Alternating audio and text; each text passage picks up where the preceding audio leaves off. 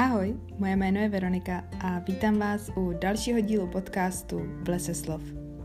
Možná mě znáte z Instagramu Les slov, nebo jste se tady ocitli úplnou náhodou. Každopádně, ať je to tak nebo tak, tak vás tady vítám a zvu vás do toho pomyslného lesa na procházku.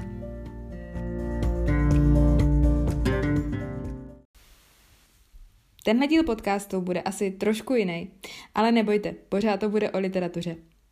To, že se blíží 17. listopad, eh, určitě všichni víte. A i když je to letos v neděli, eh, takže žádné volno nás nečeká, tak předpokládám, že jste si na to vzpomněli, protože tím, že je to už 30 let od sametové revoluce, tak je spoustu akcí a musel si na to vzpomenout i ten, kdo nechtěl, což je dobře. 17. listopad odstartoval sametovou revoluci a konec komunistického režimu. No a já jsem jako téma dnešního podcastu vybrala knihy, které byly právě za komunistického režimu zakázané. Je to téma celkem obsáhlé, ale doufám, že se mi ho podaří nějak zkráceně a jasně uchopit a že vás bude bavit. Tak asi půjdeme rovnou na to. Krátce po únoru 1948 byli umlčení komunisty všichni spisovatelé a básníci, kteří nepatřili ke komunisty uznávaným směrům. Nakladatelství byla komunisty buď e, úplně ovládnuta, nebo byla zrušena. V té první vlně cenzury v 50. letech vymizela díla Masaryka, Beneše, a dalších prvorepublikových politiků. Taky vymizela eh, legionářská literatura nebo historická díla, například eh, Josefa Pekaře. V letech 1960 až 61 eh, vydala hlavní zpráva tiskového dohledu katalogy, kde dělila literaturu na závadnou politickou literaturu, závadnou beletrii, závadnou dětskou literaturu, no a dalších spoustu závadných kategorií. Eh, v roce 68 potom byla cenzura obecně, nejenom v té literatuře, na chvilku zrušena, nicméně na začátku normalizace eh, od roku 69 se začalo zase přitvrzovat a vyřazovat. Byla vydána směrnice o zvláštních fondech tiskovin v knihovnách jednotné soustavy. Už jenom ten název zní úplně příšerně. Eh, Tahle ta směrnice eh, zakazovala půjčovat eh, díla autorů v exilu, taky autorů, kteří se v letech 68 až 69 uh, účastnili nebo pořádali nějaké protistranické akce. No a taky uh, zakázala půjčovat periodika, která vycházely právě v letech 68 až do dubna 69. Součástí tady té směrnice byl i seznam 142 autorů, 142. Eh, jejichž dílo bylo celé úplně zakázáno. No a potom dalších 160 autorů, kde byly zakázané eh, jen nějaké, třeba buď nějaká kniha, nebo jenom nějaké části jejich díla. Uh, taky knihovny dostali seznam autorů, které se sice mohly půjčovat, ale nesměli ty autory nějak propagovat. Ten seznam byl tajný a byl nadiktován pouze vedoucím knihoven. A pokud měla strana nějaké pochyby o spolehlivosti knihovníků, tak eh, byla z krajského města vyslaná komise, no a ta měla ty knihy vyřadit sama. I přes utajení se nakonec podařilo dostat tento seznam do zahraničí, kde byl dokonce otištěn a to v časopise Listy, který vycházel v Římě. To, že někdo nemohl publikovat, eh, byla ale pořád ta mírnější forma trestu. Na 15. listopadu připadá Mezinárodní den vězněných spisovatelů, no a zavření byli například Jan Zahradníček, Ivan Binar, Karel Pecka nebo Václav Havel. Ale samozřejmě jich bylo mnohem víc. Literatura se v té době dala dělit na několik skupin. Tou první byla literatura oficiální, a sem spadali autoři, kteří eh, propagovali socialismus, oslavovali ho, a nějak ho podporovali a utvrzovali. Nebo sem patřili autoři, kteří se eh, snažili psát nepoliticky. Takže jste měli dvě varianty. Buď eh, se chválit režim, anebo se vyhnout politice, což ale bylo prakticky nemožné a vždycky se to do těch děl alespoň trošku protlačilo. Mezi autory, kteří patřili do té oficiální uh, literatury, patří například Jan Očinášek, uh, Bohumil Říha, uh, Ludvík Souček a další samozřejmě. Potom byla literatura dizidentská, ta vycházela buď samizdatově, to znamená, že byla v neoficiálním oběhu, nebo vycházela v cizině. Sem patří třeba Havel, Vaculík, Fučík.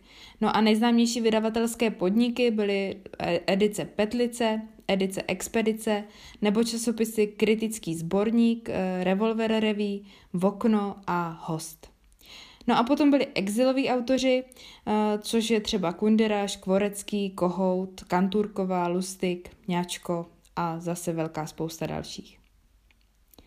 Teď jsem tady vybrala pár knížek, opravdu jenom pár, protože přece jenom 142 zakázaných autorů, takže těch knih bylo obrovská spousta. No a já jsem teda vybrala jenom nějaké příklady. Jako první tady mám Žert Milana Kundery. Kundera teda zrovna patřil k těm, kteří zpočátku myšlenkám komunismu věřili. Nicméně nakonec ho samozřejmě zklamal, no a byl dokonce ze strany pro protistranickou činnost vyloučen. No a v roce 75 potom emigroval do Francie a už tam zůstal. Román Žert eh, skvěle ilustruje, že i obyčejný žert mohl být považován za urážku režimu. Další knihou, kterou tady mám, jsou Přítelkyně eh, z domu smutku od Evy Kanturkové – Eva Kanturková byla aktivní eh, v disentu, podepsala Chartu 77, no a za svoji aktivitu potom skončila na skoro rok ve vězení jako trest za podvracení republiky.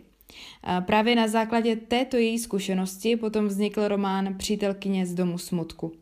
Kniha je osobně podaným pohledem na vězeňské prostředí za totality. Také byly zakázány Havlovy hry, eh, což eh, je logické. Eh, například tady byl zakázán soubor jeho dramatických her, který, eh, které s nadhledem popisovaly různé formy nefunkční společnosti. Eh, no a samozřejmě u nás bylo zakázáno i spoustu zahraničních autorů. Jeden za všechny George Orwell a jeho farma zvířat třeba. Tato kniha byla samozřejmě v Sovětském svazu zakázaná, ale autor měl problém tuto knihu vydat i na západě, protože byla tady obava právě z reakce Sovětského svazu. Na příběhu farmy dokázal Orwell skvěle popsat nezamýšlené důsledky revoluce, postupnou ztrátu ideálů a přechod k totalitě. Takže to byl takový můj opravdu maličký výběr těch knih, které třeba byly zakázané. O autory, kteří byli za komunismu zakázáni, byl potom po revoluci obrovský zájem. Začali se znovu zařazovat do fondu knihoven, znovu se začali tisknout, no a během deseti let od převratu o hodně z nich potom e, zájem zase upadl, protože už v tom samotném roce 90 e, byla jejich tvorba trošku zastaralá. Někteří jsou ale naopak pořád aktuální. Dnes samizdatovou literaturu zhromažďuje a zpřístupňuje knihovna zakázaných knih uh, Libry Prohibity, která vznikla už v roce 1990. Tato knihovna byla dokonce zapsána na seznam UNESCO, uh, Paměť světa. No a kromě knih a časopisů uh, obsahuje také zvukové nahrávky a filmy a je to takový dokument toho režimu, nebo toho období. A pokud vás tohle téma zaujalo, tak se můžete podívat třeba na knihu Český literární samizdat 1949 až 1989 od Michala Přibáně. No a tady ta kniha vás provede vydavatelskými periodiky i sborníky, nejenom těmi nejznámějšími, právě z oblasti literárního samizdatu. No a nebo si můžete zajít eh, právě do knihovny uh, Libry Prohibity Jiřího Gruntoráda, která byla také jedním ze zásadních zdrojů i tady pro tuto knihu. Já jsem tu knihu teda nečetla, ale určitě pokud eh, se mi někdy dostane do ruky, tak by mě moc zajímala. No a to je pro dnešek teda úplně všechno. Já doufám, že jste se dozvěděli alespoň něco nového a že vás to aspoň trošku bavilo. No a pokud ano, tak se budu těšit u dalšího dílu. No a pokud byste mi chtěli něco sdělit, tak mě najdete na Instagramu jako les.slov, takže mi tam klidně napište. No a mějte se hezky a 17. listopad oslavte třeba tím, že si přečtete nějakou zakázanou knihu. No a buďte rádi, že můžete. Tak ahoj.